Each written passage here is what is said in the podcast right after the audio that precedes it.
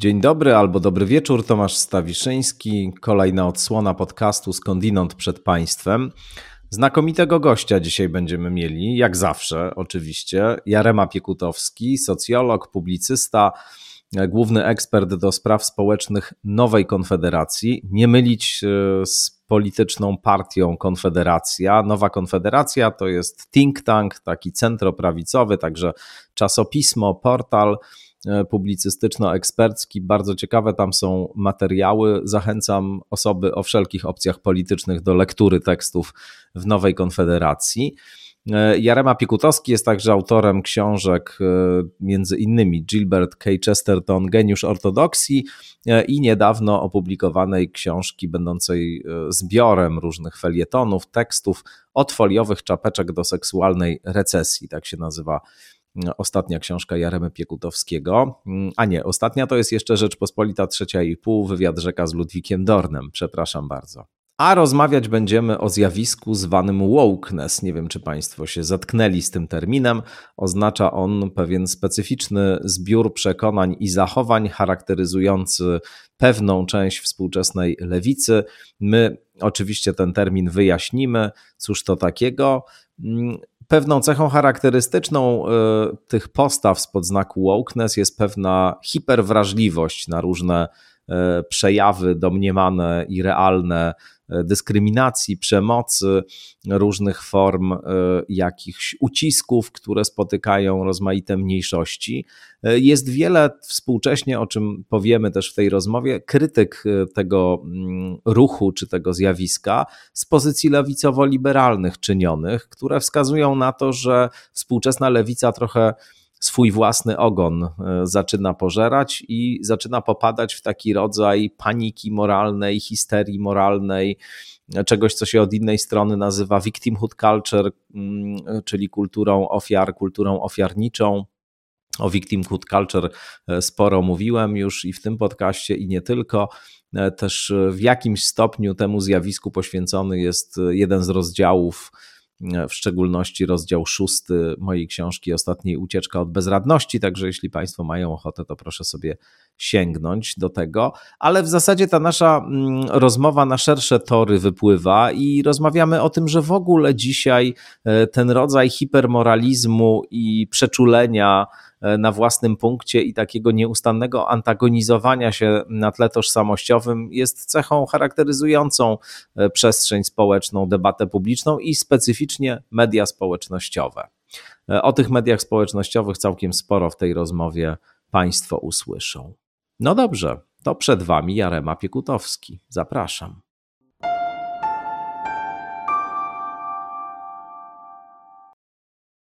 Jarema Piekutowski gości w podcaście Skądinąd. Dzień dobry. Witaj Tomku, dzień dobry Państwu.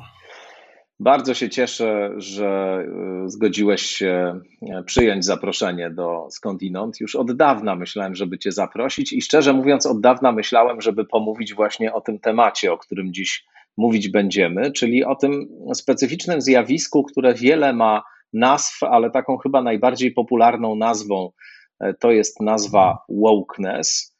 E, zaraz sobie to zdefiniujemy, e, oczywiście, cóż to takiego jest. Coraz więcej takich się pojawia mm, głosów, że mamy do czynienia ze zjawiskiem sensu stricte religijnym, to znaczy, że jest to coś na kształt nowej religii lewicy, czy w każdym razie pewnego skrzydła lewicy. Trzy ważne książki się ukazały, które mm, ostatnio, które chciałbym uczynić jakimś takim szerokim kontekstem tej naszej rozmowy. Jedna to Woke Incorporation Inside Corporate America's Social Justice Scam autorstwa Viveka Ramaswamiego. E, druga, chronologicznie to chyba nawet e, pierwsza, to Cynical Theories autorstwa Helen Pluckrose i Jamesa Lindsaya. E, I trzecia, zupełnie świeża książka, to jest książka, już właśnie mi tytuł uciekł, Johna McHortera, Woke Racism. E, tak brzmi tytuł tej książki: How a New Religion Has Betrayed Black. No i to są wszystko autorzy, którzy właściwie z takiego klucza liberalnego czy też liberalno-lewicowego krytykują e, to zjawisko. To nie są konserwatyści, prawicowcy, którzy którzy się temu przyglądają krytycznie, tylko właśnie osoby, które uważają, że mamy do czynienia ze zjawiskiem, które grozi takim wartościom jak wolność słowa, różnorodność, tolerancja, czyli dokładnie tym, które, e, których rzekomo ma bronić. Ale zanim sobie pomówimy o tych wszystkich książkach, o tym e, także, co mm, Vivek Ramaswamy o tym pisze, bo, bo jego książka jest też ciekawa, bo on pokazuje, w jaki sposób e, wokeness zasila brutalny korporacyjny kapitalizm dzisiaj, to może zdefiniujmy sobie przedmiot naszej rozmowy. Cóż to takiego jest i jakie określenie Tobie najbardziej odpowiada? W ogóle samo słowo woke y, to jest y, specyficzna forma y, słowa to wake, budzić się. Jest to imię słów czasu, przysz, imię słów czasu przeszłego, ale używany w pewnych rodzajach, pewnych dialektach afroamerykańskich angielskiego. Woke zamiast woken. Woke, czyli przebudzony, obudzony, uświadomiony. I jest to zestaw poglądów, który generalnie związany jest ze świadomością różnego rodzaju dyskryminacji. Tak naprawdę to sformułowanie woke pojawiło się już przed II wojną światową. Jedno z takich, jeden z takich najwcześniejszych zapisów tego słowa pochodzi z nagrania z piosenki słynnego bluesmana Hadiego Ledbettera, znanego także jako Led Belly. To jest piosenka Scottsboro Boys, która opowiada o dziewięciu czarnoskórych nastolatkach, którzy zostali e, e, oskarżeni o zgwałcenie dwóch, dwóch białych e, kobiet. To były czasy, kiedy te procesy były bardzo często niesprawiedliwe. Mówi Led Better na tle swojej, swojej piosenki I advise everybody be a little careful when they go along there, best stay woke, keep their eyes open. Czyli hmm. bądźmy trochę ostrożni, bądźmy przebudzeni, miejmy oczy otwarte na różne przejawy dyskryminacji. Bądźmy czujni też, nie? To tak. mniej więcej tyle znaczy. Czujni. Mhm. I tak jak, tak jak przez dłuższy czas to sformułowanie było utożsamiane z kwestiami e, Afroamerykanów, tak w tym momencie ono się rozlało na wszelkie kwestie związane z autentyczną lub domniemaną dyskryminacją różnych grup, przede wszystkim kobiet, osób LGBT, osób trans, transpłciowych, transseksualnych, etc. oraz wszelkich mniejszości. No mniejszości no, etnicznych. Też, tak, mniejszości etnicznych oczywiście, czy wszystkich to też nie jest do końca jasne, ale w praktyce ta ideologia woke jest bardzo mocno nakierowana na to, żeby w, zwłaszcza w funkcjonowaniu przedsiębiorstw, ale także przede wszystkim uczelni, bo myślę, że na uczelniach amerykańskich ona się przede wszystkim rozpowszechniła, żeby wykrywać odpowiednio wcześnie i zwalczać każde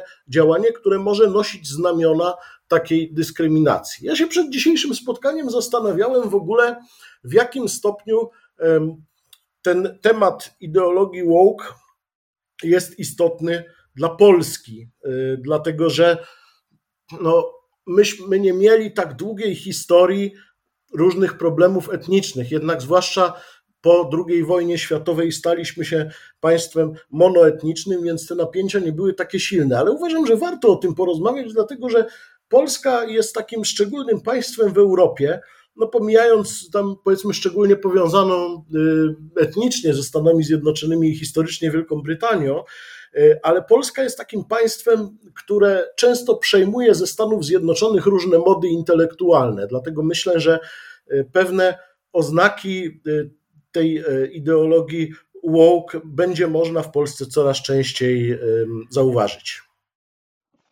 Ja mam wrażenie, że y, wciąż jeszcze to jest problem, y, problem, zjawisko może tak, choć już mówiąc o problemie, ujawniłem poniekąd swój stosunek do, do y, tego, że to jest jednak wciąż zjawisko środowiskowe, że mamy do czynienia z taką bańką lewicową i to też nie jest oczywiście 100% dzisiejszej lewicy, w której tego rodzaju koncepcje są brane bardzo poważnie i w której te procesy, o których piszą autorzy wspomnianych książek, zachodzą.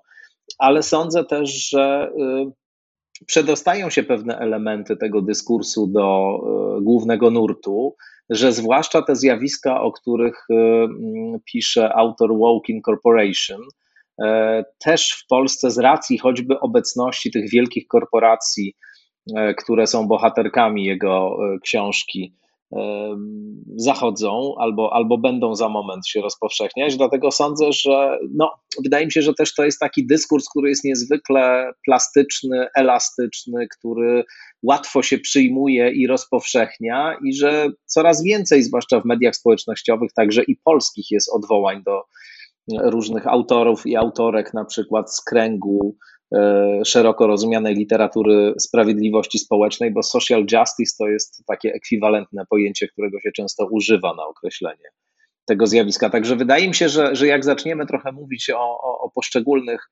ekspresjach e, wokeness, to się okaże, że jednak e, przynajmniej część z nas, którzy, którzy w mediach społecznościowych jakoś tam funkcjonują, uczestniczą w różnych dyskusjach i tak dalej, no na pewno się już z tym zetknęła.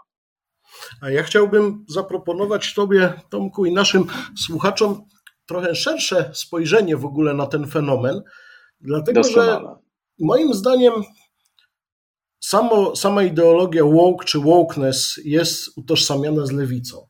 Natomiast moim zdaniem jest ona formą, jest ona nie formą, tylko przejawem, jednym z przejawów dużo szerszego zjawiska, które wiąże się z zaostrzeniem rywalizacji politycznej na różnych polach, nie tylko wśród polityków, ale także wśród zwykłych ludzi na co dzień. Pełna zgoda. Zwłaszcza w, zwłaszcza w mediach społecznościowych. Dlatego ja bym w ogóle postawił tezę, że istnieje coś takiego jak specyficzne woke prawicowe, czyli to, co jest istotową, e, istotową częścią ideologii woke, to jest to, że odstępstwa od normy od pewnej, od pewnej przyjętej normy, czy też zachowania, które są uważane za szkodliwe, y, są wykrywane bardzo wcześnie i bardzo zawęża się zakres zachowań dopuszczalnych.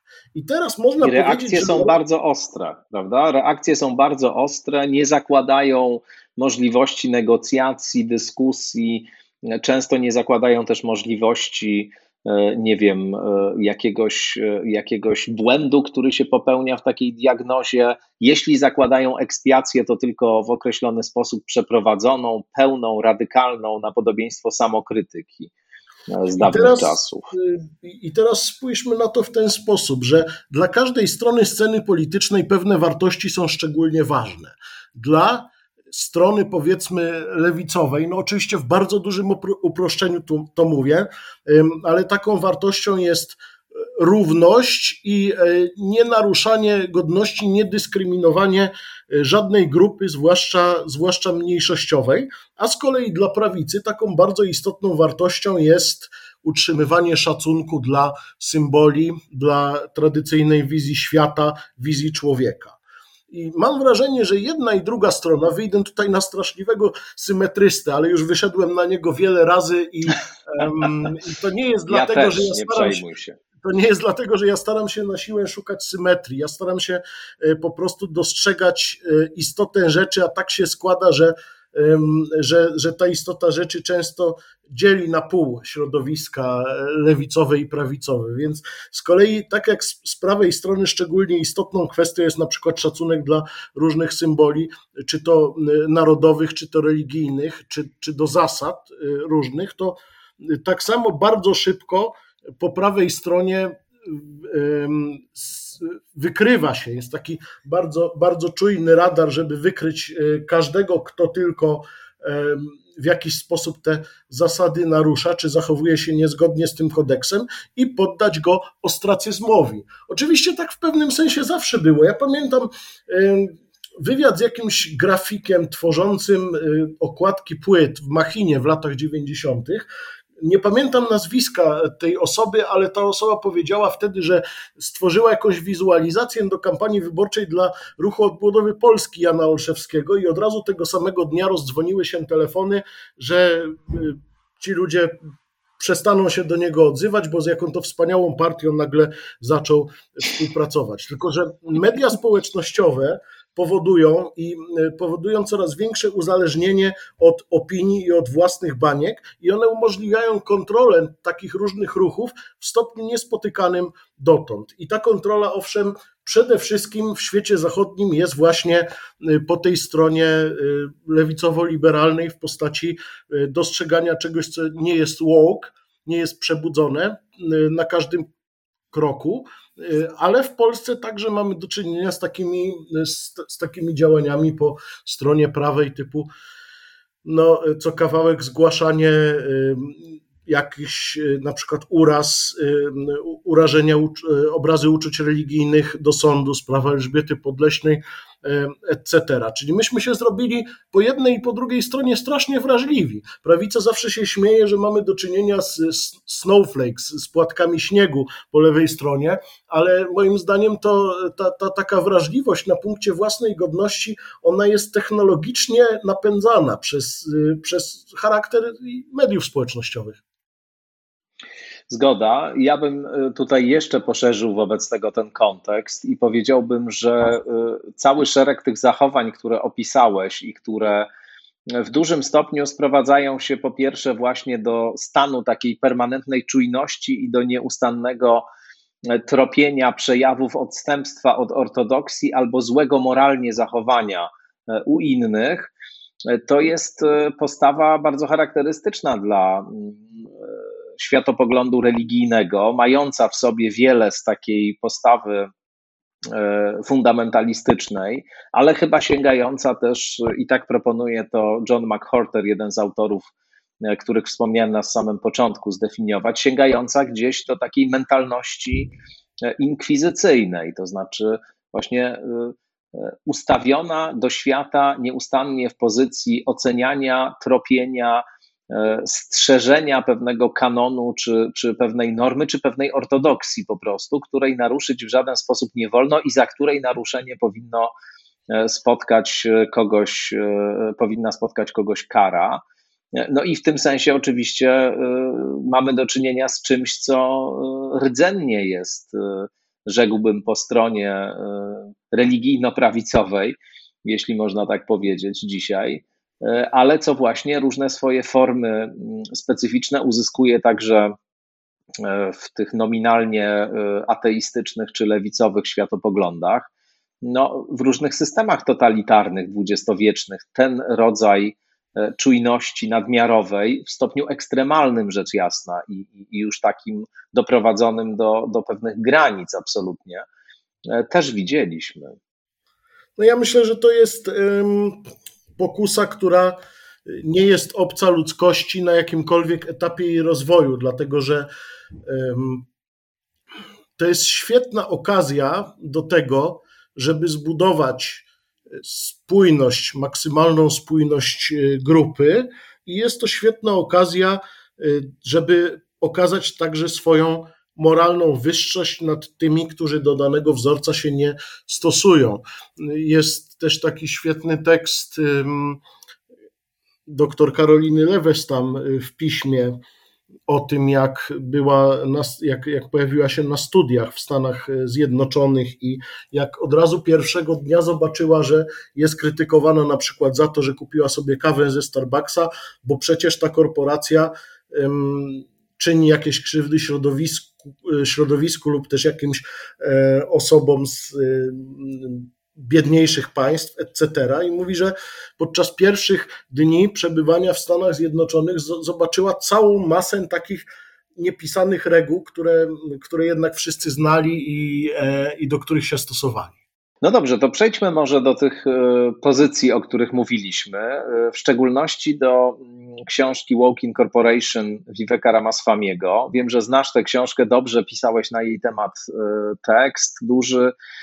E, on tam stawia tezę, że te różne e, lewicowe narracje, e, które są skupione na kwestii emancypacyjnej, rzecz jasna, które w takiej funkcji w ogóle występują, to znaczy mają na celu niwelowanie systemowego rasizmu, mają na celu sprzyjanie różnorodności mm, i tak dalej, po pierwsze wywołują efekty odwrotne, to jest akurat stanowisko, które wszyscy przytoczeni przeze mnie na początku autorzy mają, to znaczy powiadają, że to w istocie sprzyja tylko antagonizowaniu się różnych bardzo silnie tożsamościowo zdefiniowanych grup i że jest to powrót do takiego z gruntu, myśl, z gruntu powiedziałbym esencjalistycznego, a więc paradoksalnie rasistowskiego myślenia o e, tożsamości etnicznej.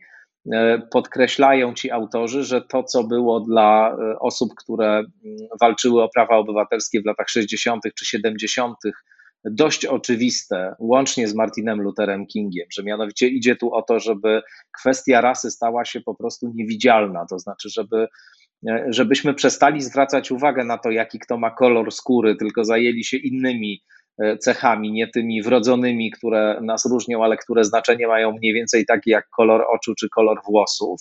Tak. E, no, w odróżnieniu od tego, My dzisiaj znowu obsesyjnie koncentrujemy się na rasie i w sposób esencjalistyczny tą rasę jako coś człowieka głęboko definiującego postrzegamy i że to jest paradoks, że właśnie ma to służyć emancypacji, gdy tymczasem sprzyja to tylko antagonizmowi. Więc jakby ten główny argument jest taki, że to w istocie antagonizuje mm, te, te, te grupy mniejszościowe.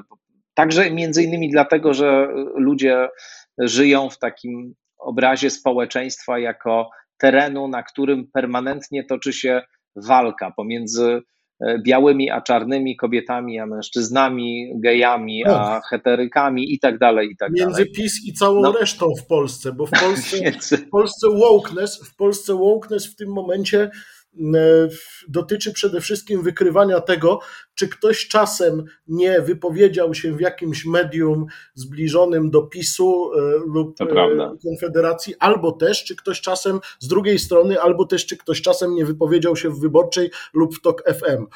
Na mnie już radykałowie obu stron położyli dawno kreskę, ale, ale myślę, że. Na mnie też. tak, no ja myślę, że ci prawicowi radykałowie, słysząc, że ktoś jednak z centroprawicowej nowej konfederacji, nie mylić z partią o podobnej nazwie, z centroprawicowego think tanku wypowiada się w TOK FM, to też od razu za, zapali im się czerwona lampka, że jak tak można, prawda? Więc, y, więc tak w Polsce też, też mamy do czynienia z pewnym wokeness. Ale chciałbym wrócić do no tej tak, tezy. To ja, ja, ja tylko dokończę tą jedno zdanie a propos tego Rawa Swamiego, że, że jego główna teza jest taka, że to po prostu po pierwsze jest przeciwskuteczne, tak jak powiedziałem, a po drugie stało się doskonałym narzędziem, z pomocą e, którego współczesne korporacje e, wybielają e, rozmaite aspekty swojej działalności, zdejmują z siebie odpowiedzialność za bardzo wiele nadużyć, których dokonują, a przede wszystkim no właśnie za brutalizację coraz poważniejszą kapitalizmu, tej rzeczywistości ekonomicznej, w której żyjemy. No i uzyskują taką narrację, która jest swoistym płaszczem, e, pod którym można schować wszystkie rzeczy, które, które, które się robi e, e, no, zdecydowanie wbrew właśnie tym wszystkim wartościom, które się zarazem głosi. Ależ oczywiście. Natomiast chciałbym jeszcze wrócić do bardzo ciekawej tezy Wiwieka Ramasłamiego, zresztą nie tylko jego tezy. To często się ta teza trafia, zwłaszcza wśród osób, powiedzmy, o poglądach y, dość liberalnych, ale ja się z tą tezą akurat zgadzam, że mm, jeżeli chcemy do, dojść do sytuacji, w której będzie faktycznie uwzględniana w firmie czy w instytucji różnorodność, diversity, to jest jedno, jedno z głównych haseł e, ideologii woke, akurat tej, tej lewicowej, to myślenie o różnicach w kategoriach y, orientacji seksualnej czy seksualności, w kategoriach etniczności jest bardzo zawężające, bo tak naprawdę, jeżeli różnorodność ma służyć temu, żeby ludzie o różnych poglądach i spojrzeniach na świat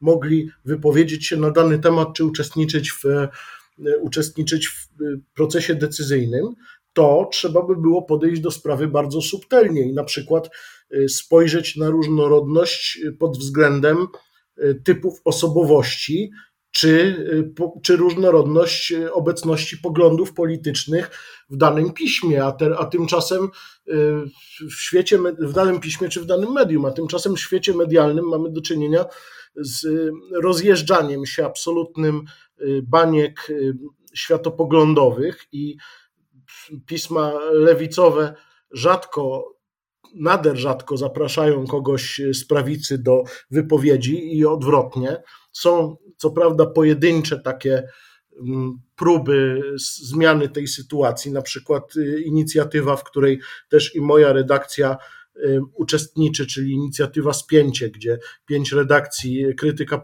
polityczna, kultura liberalna, kontakt, Klub Jagielloński Nowa Konfederacja, czyli redakcje o zupełnie innych poglądach, zastanawiają się nad jednym tematem i najpierw jedna osoba pisze tekst a z jednej redakcji, a pozostałe redakcje odpowiadają na to zresztą w sposób czasami, czasami ostry, ale, ale zawsze kulturalny, no tu mamy do czynienia faktycznie z diversity, prawda? Natomiast samo to, że zapewnimy pewną liczbę osób z danej grupy etnicznej czy z danej grupy seksualnej, zwłaszcza jeżeli mówimy o, zwłaszcza jeżeli mówimy o przedsiębiorstwach, prawda, to wcale niekoniecznie musi y, zbliżać nas do, do realnej różnorodności. Znaczy, ja rozumiem też szlachetne intencje stojące za y, ruchem woke, który ma na celu y, poprawę sytuacji grup, które były przez wiele lat dyskryminowane.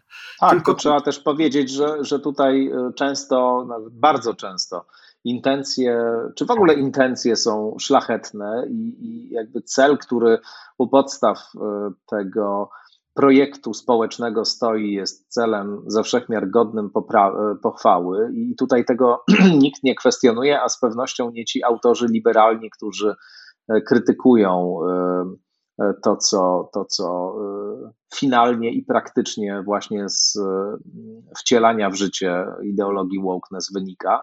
Natomiast no, problem polega na tym, że są tutaj w sposób dość problematyczny zdefiniowane właśnie kwestie i tożsamości, i różnorodności, i, i myśli się tak naprawdę o społeczeństwie mm, w sposób bardzo uproszczony i redukujący cały szereg zmiennych i cały szereg bardzo skomplikowanych zjawisk właśnie do kilku dosyć prostych e, rozwiązań, w których zawsze ostatecznie całkowitą winę za wszystko ponosi ów biały heteroseksualny mężczyzna.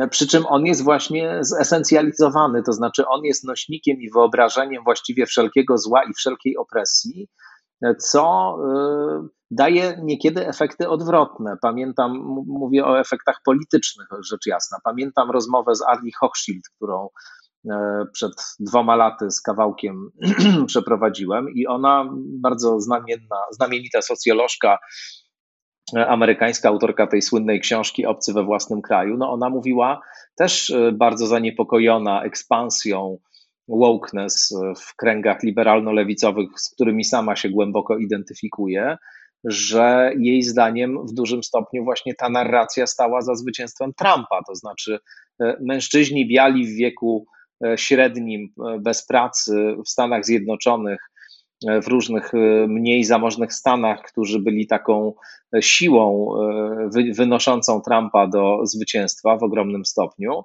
no, słyszeli od lat o sobie, że są e, uprzywilejowani, e, podczas gdy trudno im by było naprawdę jakikolwiek przywilej e, przypisać, zwłaszcza w kontekście na przykład przedstawicieli tych grup tożsamościowych, innych, czy etnicznych, czy mniejszości seksualnych, które funkcjonują w bogatych stanach, mają dobre wykształcenie i, i mają też dostęp do, do, do, do mediów szerokiego, szerokiego zasięgu. I ten rodzaj zdefiniowania e, tych ludzi jako opresorów, a tamtych jako ofiary, no był tak dla nich e, nie do przyjęcia i tak w jawny sposób stał w sprzeczności z ich doświadczeniem, że oni po prostu zagłosowali na kogoś, kto im to wszystko podał w karykaturalnej formie i obiecał, że zawalczy o, o, o ich godność. I, I to dla Hochschild było bardzo niepokojące. I wydaje mi się, że to też jest pewien aspekt tego, w jaki sposób e, potencjalnie wokeness może działać. Zdecydowanie tak. Chciałbym zwrócić uwagę tutaj na znowu pewną szerszą perspektywę.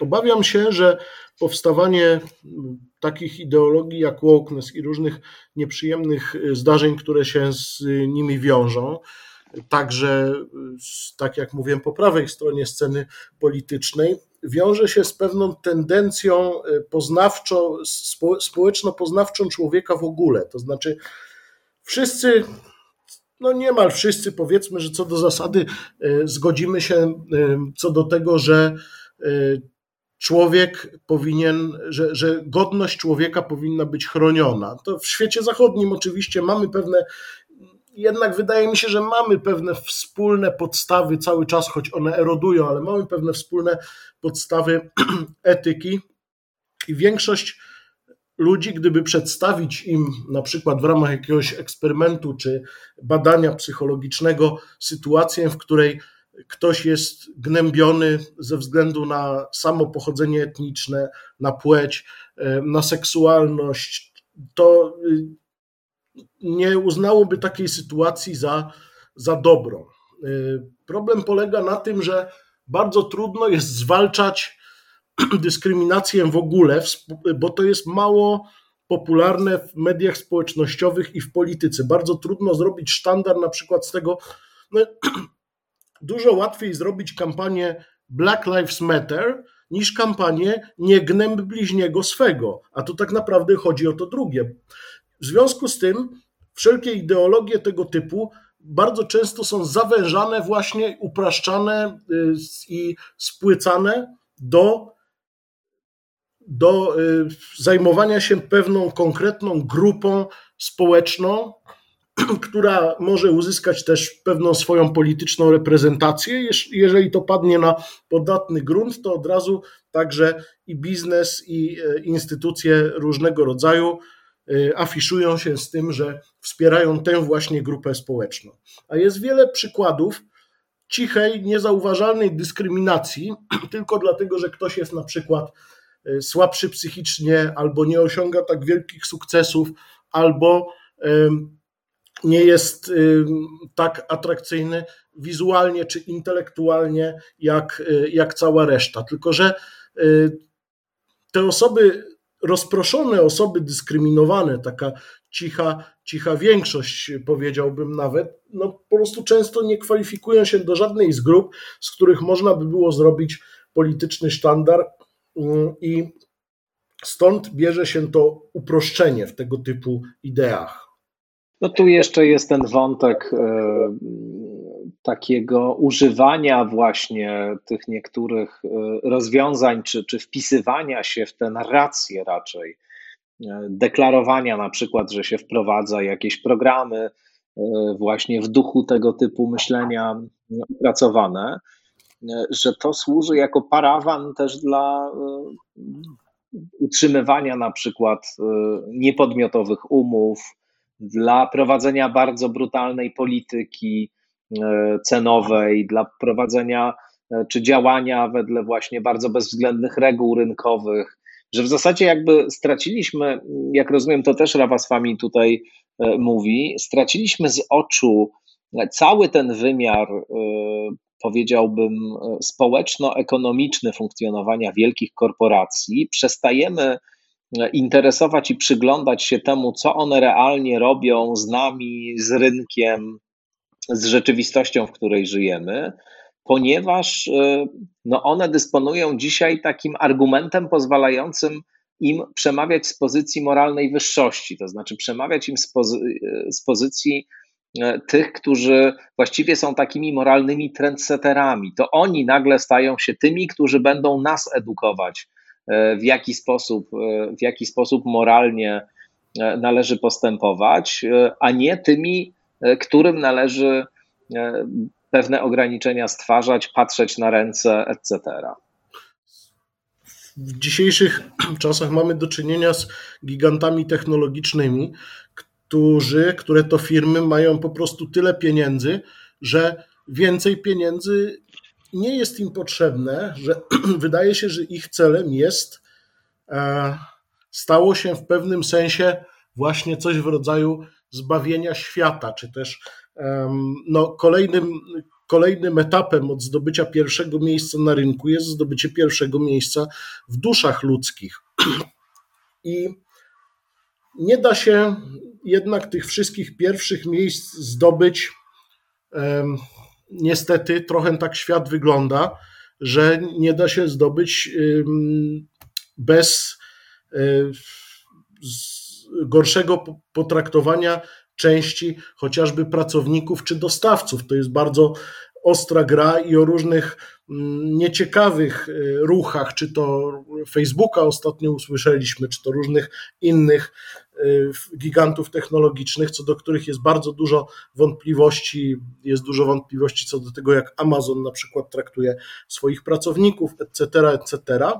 I tutaj wszelkie ideologie przychodzą z ratunkiem dla szefów y, tych firm, bo każda moralna wyższość jest y, świetnym sposobem ukrycia różnych ciemnych sprawek, które ma się u siebie. No tak się składa, że to jest, znowu wracam do poprzedniej swojej wypowiedzi, że faktycznie walka o prawa pracownicze to nie jest coś, co zdobywa ogromną popularność w mediach społecznościowych. Tak jak spojrzeć na, y, y, na, na, na obecny świat, to ludzi porusza, poruszają przede wszystkim sprawy obyczajowe. I wydaje się, że bardziej popularna jest ta lewica, która o te sprawy obyczajowe walczy, niż y, ta, która walczy o nudne, w cudzysłowie, prawa pracownicze.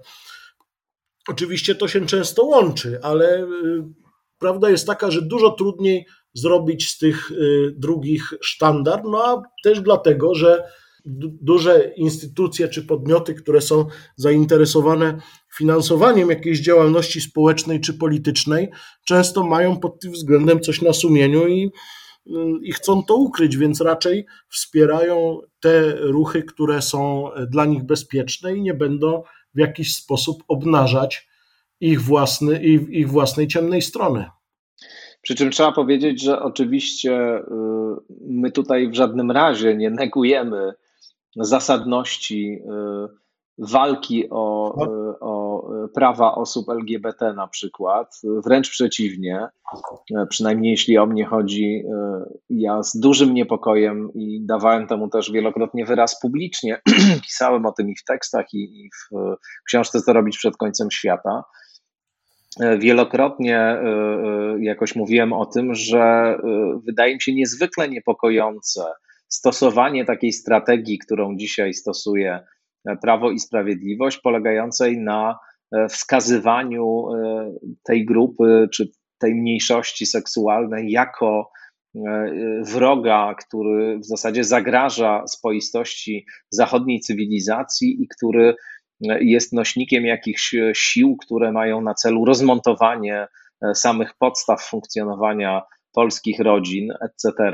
Ta narracja e, jest stosowana w obozie rządzącym, moim zdaniem, w sposób zupełnie nieodpowiedzialny, bez świadomości konsekwencji, jakie coś takiego może nieść i bez świadomości, że w warunkach tak e, potwornie zantagonizowanego E, społeczeństwa i tak niezwykle podkręconych emocji, definiowanie ex cathedra przez, przez grupę rządzącą jakiejś, e, jakiejś mniejszości jako zagrożenia, no może nieść po prostu konsekwencje bardzo, bardzo dramatyczne, w związku z czym tu trzeba podkreślić, że zarówno osoby, które krytykują wokeness z pozycji liberalnych, jak i my dzisiaj w tej rozmowie e, i w ogóle nie jesteśmy w żadnym sensie e, przeciwko tym wątkom emancypacyjnym.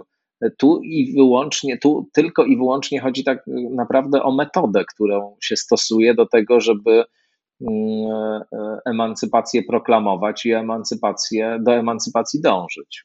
Zdecydowanie jestem za tym, żeby świat był lepszym miejscem, takim, w którym e, nie dyskryminuje się ludzi ze względu na etniczność, ze względu na seksualność. E, to, czemu się sprzeciwiam, to jest e, po prostu wykorzystywanie możliwości łatwego i bezpiecznego okazywania moralnej wyższości do wybielania własnych, własnej, własnej ciemnej strony. W Polsce mamy do czynienia z nieco inną sytuacją, bo akurat, akurat rządzi partia, która nazywa się prawicową i faktycznie no, mamy do czynienia z różnymi wypowiedziami bardzo dyskryminującymi co kawałek. Więc no, myślę, że to jest jednak, jednak inna sytuacja u nas, a inna sytuacja w tej chwili w Stanach Zjednoczonych czy w państwach anglosaskich, gdzie generalnie rzecz biorąc, wydaje się, że to zjawisko dyskryminacji osób LGBT na przykład jest mniej nasilone, a jednak y, te granice bardzo się zawężają i dochodzi nawet do pewnych sporów w łonie samej powiedzmy społeczności y, LGBT między kwestiami praw gejów i lesbijek, a na przykład praw osób transseksualnych. Rzecz nie jest w tym, że my tutaj mamy nagle wrócić do społeczeństwa, w, których, w którym się osoby inne niż większość wyklucza. Rzecz jest w tym, jakie niebezpieczeństwa wiążą się z okazywaniem, bezpiecznym okazywaniem moralnej wyższości i pompowaniem własnego ego. I tak jak podkreślam, to jest zjawisko, które występuje po obu stronach sceny politycznej, tylko każdy na innym punkcie to ego sobie powiększa i pompuje. A jak ty patrzysz na te, na te tezy, które powiadają, że to jest właśnie zjawisko w sensie ścisłym religijne? religia jako taka jest zjawiskiem wieloaspektowym, no ale jednym z aspektów religii jest y, ten aspekt społeczny i etyczny. To pod względem y, aspektu społeczno-etycznego można w pewnym sensie wokeness nazwać religią. Mamy tutaj po prostu do czynienia z pewnym zestawem norm i z pewną grupą, która się nawzajem bardzo pilnuje, żeby poza te normy nie wyjść. Ale religia, wydaje mi się, jest to coś jednak dużo więcej niż tylko zestaw norm i wzajemne pilnowanie się, bo e, chociażby taki zestaw norm i pilnowanie się w sposób bardzo brutalny, to jest coś, co występuje w więzieniu, w społecznościach grypsujących, gdzie w ogóle jakiekolwiek odstępstwo kończy się pobiciami, gwałtami i spadkiem na samo dno e, w hierarchii e, więziennej więc trudno by było mówić, że grypsowanie jest religią, choć pewne elementy, które także z religią są e, utożsamiane, ma. No, na pewno elementem religijnym jest tutaj także to ten pewien ideał, ideał moralnego postępowania, który no, w religiach też utożsamiany jest e, z Bogiem. No tutaj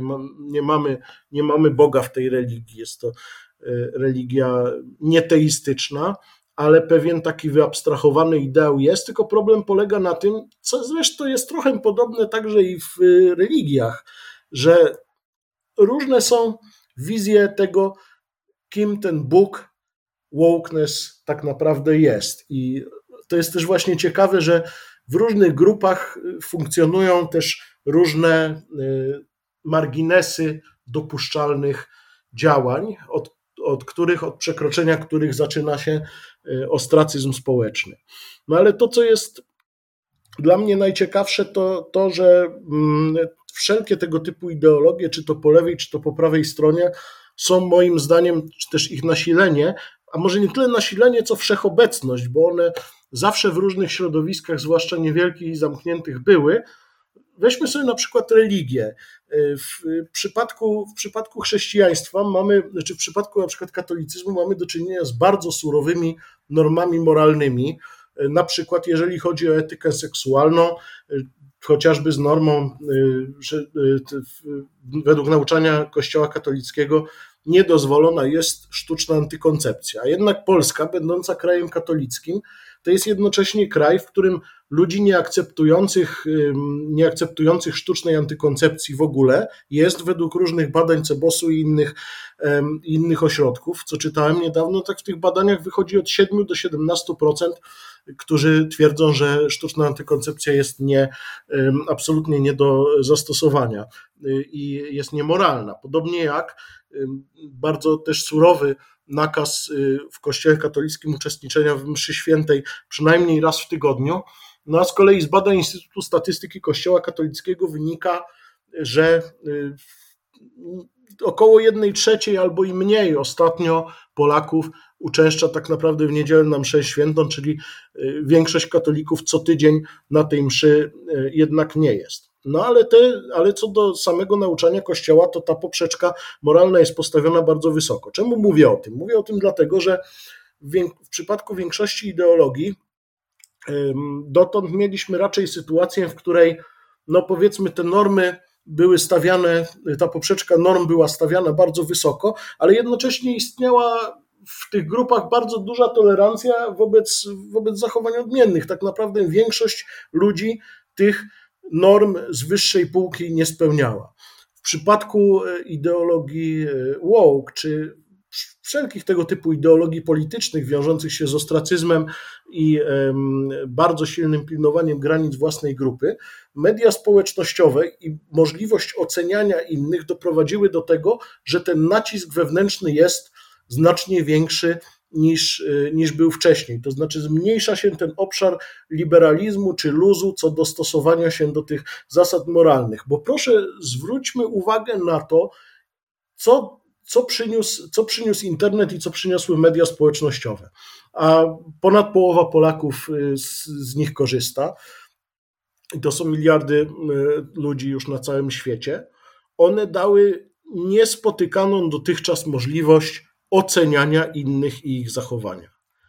Dotąd, powiedzmy, w latach 90. można było oceniać swoją rodzinę, swoich przyjaciół i ewentualnie ludzi, do których miało się telefon, że wrócę do tego grafika, który zrobił tą kampanię ruchowi, tę kampanię ruchowi odbudowy Polski. A dzisiaj, zwłaszcza młode pokolenie, które żyje w świecie cyfrowym, ono tak naprawdę od rana do wieczora wrzuca lajki albo y, ikonki wr, albo ikonkę haha, y, czyli właściwie szyderczy śmiech, który bardzo często oznacza na Facebooku jesteś idiotą do osoby, która coś, coś napisała. I tak naprawdę od rana do wieczora oceniamy. Więc y, to napięcie związane z przekraczaniem norm i ocenianiem tego przekraczania norm, wydaje mi się, że jest większe niż kiedy, kiedykolwiek wcześniej, bardziej masowe i będzie się to pogłębiać.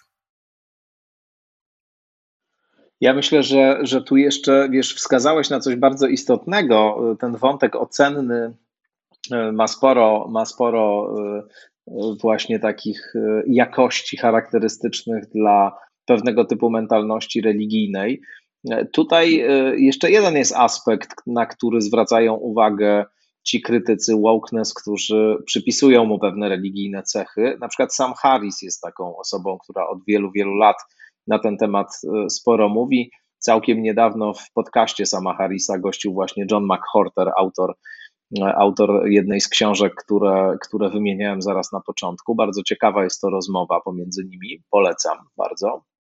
Natomiast e, tu też chodzi o to, że nie ma odwołania od tych ocen, to znaczy, że mamy do czynienia z dyskursem, który jest niewywrotny, E, który jest e, w tym sensie irracjonalny, to znaczy nie sposób dyskutować z przedstawicielami bardzo takimi zaangażowanymi tego rodzaju światopoglądu, znowu i po prawej, i po lewej stronie. Jeśli ktoś żywi tego rodzaju przekonania, to nie ma właściwie możliwości, żeby na jakiejś wspólnej płaszczyźnie z nim o tym rozmawiać. Nie ma też możliwości, żeby się wywikłać na przykład z jakiegoś zarzutu, który ktoś taki stawia. No dlatego, że każda próba obrony, każdy dowód, który można przedstawić, negujący e, zasadność danego oskarżenia, może zostać e, zneutralizowany bardzo szybko przez odwołanie się właśnie do różnych niewywrotnych struktur, e, co się często zresztą dzieje w tego typu sytuacjach, panikach moralnych. Więc ten element, tam jest też dużo takiego, takich zachowań o charakterze rytualnym. E, są pewne osoby e, występujące w pozycji kapłanów i kapłanek, to znaczy tacy, którzy, którzy głoszą doktrynę i, i, i z którymi w zasadzie nie sposób wejść w jakąkolwiek dyskusję. Ich słowo uznawane jest za, za niemożliwe do, do zanegowania. Jest taki bardzo ciekawy też podcaster, nazywa się Coleman Hughes. To jest skądinąd afroamerykanin, podobnie jak i John McWhorter. Coleman Hughes mówi o tym, że dla niego w trakcie studiów bardzo, i też człowiek o bardzo liberalnych poglądach, żeby nie było, ale że bardzo specyficznym doświadczeniem było dla niego e, studiowanie filozofii na jednym zresztą z najlepszych uniwersytetów amerykańskich. E, powiada, e, właściwie kiedy omawiano wszystkich myślicieli czy myślicielki E, no to była dyskusja, zachęcano do tego, żeby kwestionować ich przekonania, żeby właśnie wchodzić z nimi w, w debatę, żeby, żeby szukać argumentów krytycznych. Zawsze się grupa dzieliła na tych, którzy uznają dane przekonanie, a, a którzy nie uznają. No aż do momentu, e, kiedy, kiedy pojawił się na arenie lektur Michel Foucault, a później e, Kimberly Crenshaw, czyli twórczyni E, tak zwanego intersekcjonalizmu, czyli e, takiego poglądu, takiej, takiego konceptu, który jest jednym z istotnych składowych wokeness właśnie. I tam panowała cisza wtedy. To znaczy, tam się już nie dyskutowało, tego się nie kwestionowało, w zasadzie nikomu nie przyszło nawet do głowy, żeby wyszukiwać jakiekolwiek Halo? niespójności, czy żeby zadawać jakiekolwiek krytyczne pytania. Uznawano, że to po prostu powinno się przyjąć jako niemalże prawdę objawioną. Więc ja tylko tutaj chciałem dodać kilka tych elementów do, do tej argumentacji, że mamy do czynienia ze zjawiskiem w jakimś stopniu religijnym. Tak, mamy do czynienia ze zjawiskiem religijnym, tak jak mówię, w znaczeniu społecznym, czy też no, pewnej specyficznej więzi, która też tworzy się wśród wyznawców danej idei. Ale problem polega na tym, że mm, podobnie y, jak w więzieniu, w radykalnych formach ideologii, nie można tak naprawdę tak do końca liczyć na wsparcie swoich współwyznawców, bo oni cały czas otrzymują nowe wytyczne co do tego, czego należy pilnować, i każdy musi się pilnować tego, żeby za chwilę nie znaleźć się za burtą. W Polsce jeszcze chciałbym wrócić na chwilę do Polski. Sytuacja wygląda trochę inaczej, dlatego że my mamy, tak jak mówiłem, rząd, który uważa się za konserwatywny czy też prawicowy, i e, ta e, to, to, to, pilnowanie własnego środowiska i dopieszczanie go, a jednocześnie dyskryminowanie środowisk zewnętrznych następuje w sposób taki bardzo prosty na zasadzie przyznawania lub nieprzyznawania dotacji danym, danym instytucjom lub też przekazu propagandowego w mediach publicznych. Natomiast z kolei środowiska liberalno-lewicowe też bardzo pilnują w Polsce, czy ktoś czasem gdzieś właśnie nie stanął po stronie rządu albo, albo gdzieś nie pojawiał się w jakichś mediach, które są w jakiś sposób z rządem związane. Była wielka awantura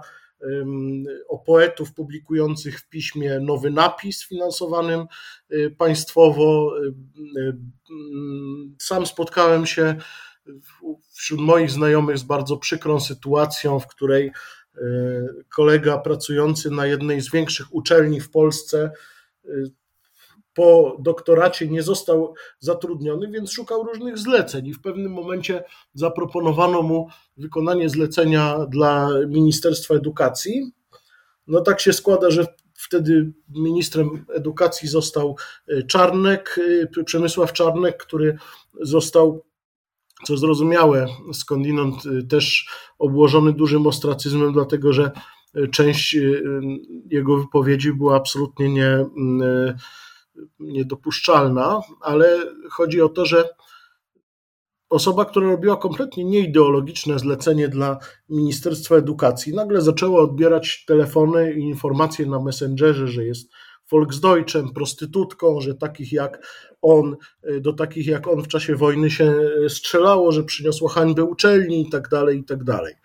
Więc y, mamy do czynienia właśnie z, z jednej strony z tym z tymi różnymi dziwnymi czy dyskryminującymi działaniami państwa, ale też z drugiej strony właśnie z niewywrotnymi, jak to powiedziałeś, działaniami pewnych takich środowisk i grup społecznych czy intelektualnych. Niewywrotnymi, dlatego że to nie są instytucje sformalizowane, tylko to są sieciowe środowiska, które są rozproszone, połączone w jakiś sposób i one mogą skutecznie wykluczyć e, daną osobę, która nawet mm, nie zrobi niczego złego, ale naruszy jakąś taką kolejną bardzo szczegółową regułę. To jest moim zdaniem, owszem, być może jakiś element religijny, ale tak jak mówię, to jest z mojego punktu widzenia raczej ta, ta, ta ciemna strona religii. Natomiast no, trochę brakuje tej e, pozytywnej strony, która, która w religii jest, czy też, czy też strony metafizycznej. Jest to swego rodzaju świecka religia. No i niestety polityka staje się świecką religią. Dlaczego? Dlatego, że w świecie mediów społecznościowych po prostu my się nie możemy od niej oderwać. Ona jest, ona jest nieodłącznym elementem życia każdego z nas.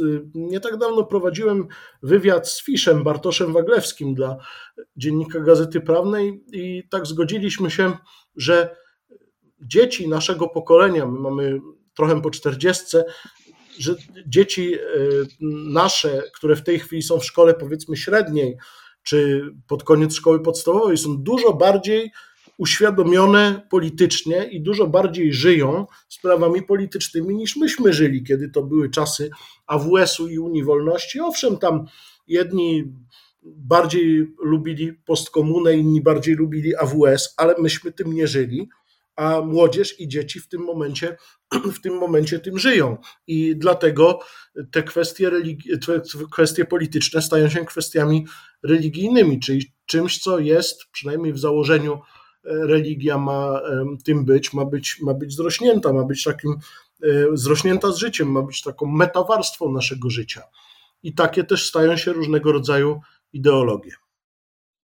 No myślę, że takim mm, pojęciem, które to wszystko scala, te wszystkie zjawiska, o których rozmawialiśmy, jest hipermoralizm. I, e, I mam wrażenie, że to jest w ogóle coś charakterystycznego i dla prawicy, i dla lewicy dzisiaj, i dla użytkowniczek i użytkowników mediów społecznościowych. Oczywiście architektura mediów społecznościowych, jak już o tym też mówiłeś, bardzo temu sprzyja i sama konstrukcja, e, ta konstrukcja akcentująca warstwę emocjonalną, wyrażająca się właśnie w, e, w emotikonach na przykład, czy tych przyciskach takich, e, które właśnie wyłącznie treści emocjonalne komunikują, jest już tego symptomem, no nie mówiąc nawet o tym, co e, wynika z różnych doniesień, a to whistleblowerów i whistleblowerek, a to osób, które po prostu pracowały w tych miejscach i dzielą się swoimi wrażeniami. Mówię o tych miejscach, czyli o dużych mediach społecznościowych.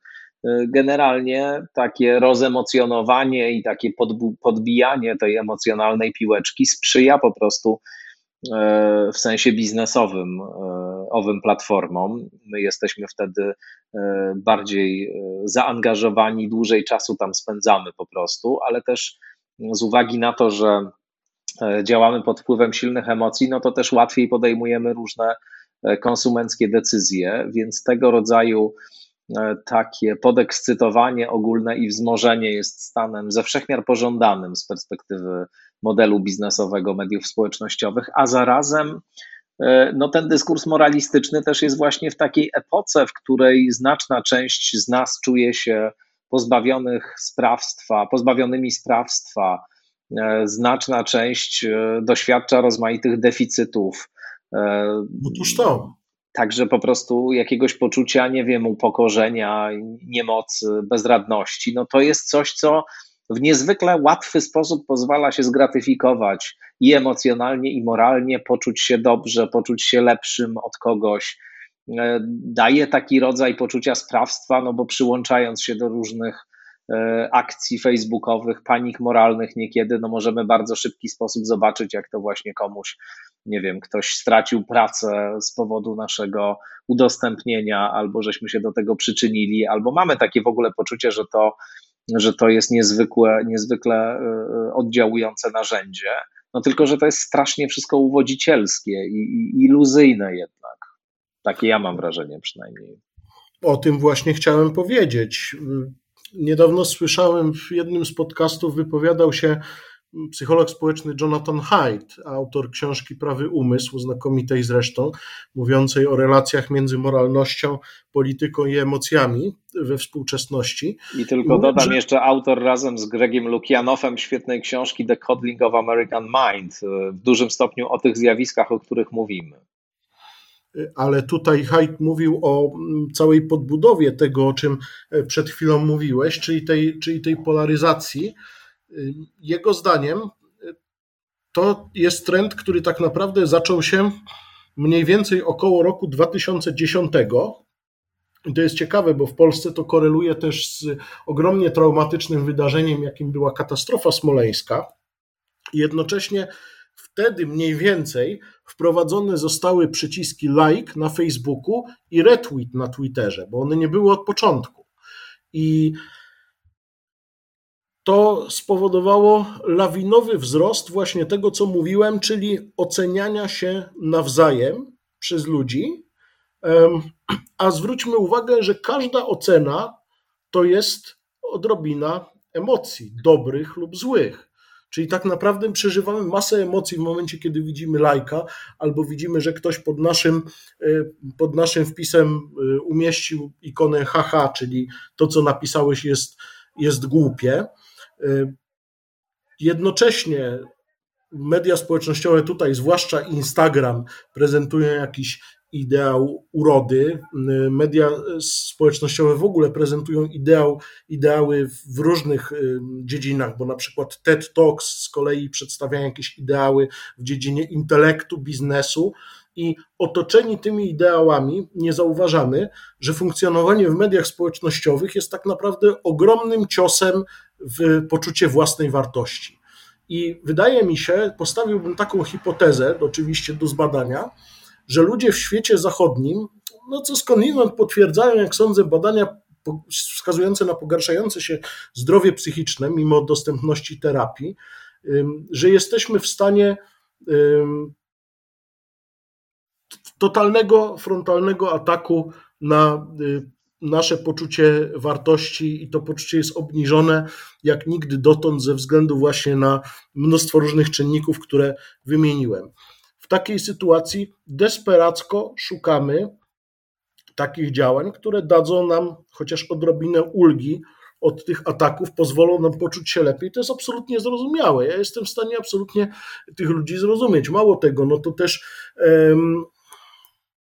To też jest coś takiego. Siadamy przed tym Facebookiem czy Twitterem, no i mamy z jednej strony możliwość y, wrzucania wpisów, które będą obiektywnie oceniać rzeczywistość, niuansować jak to tylko możliwe, wskazywać y, plusy z jednej i z drugiej strony, ale o ile ktoś nie ma takiej pasji obiektywnej oceny, to po pewnym czasie będzie bardzo zniechęcony do tego typu działania, dlatego że dostanie mu się po głowie zarówno od jednych, jak i od drugich. Dlatego strategia przyjmowana przez większość osób w mediach społecznościowych jest taka, żeby podpiąć się z własnymi wpisami pod jakąś grupę, bo dzięki temu mamy zapewnione, że ta grupa będzie nas lajkować i retweetować i ten balans emocjonalny chociaż trochę się przesunie na plus. To są korzenie ideologii woke czy innych ideologii y, obecnych w bańkach w mediach społecznościowych. Y, to jest po prostu, mówiąc z, z wysokiego C, trochę na wysokim diapazonie, to jest po prostu wyraz potrzeby miłości i potrzeby potrzeby poczucia y, wartości. No to będzie piękna puenta wobec tego. Bardzo serdecznie Ci dziękuję za spotkanie w Skądinąd. Jarema Piekutowski, dziękuję bardzo. Dziękuję bardzo. Do zobaczenia, do usłyszenia mam nadzieję Tomku i do zobaczenia Państwu i usłyszenia. Zdecydowanie też mam taką nadzieję, mam nadzieję, że to jest e, pierwsza, ale zdecydowanie nie ostatnia Twoja wizyta w Skądinąd. Państwu też dziękuję. Zachęcam oczywiście do słuchania, wspierania podcastu na Patronite. No i do usłyszenia. Do usłyszenia.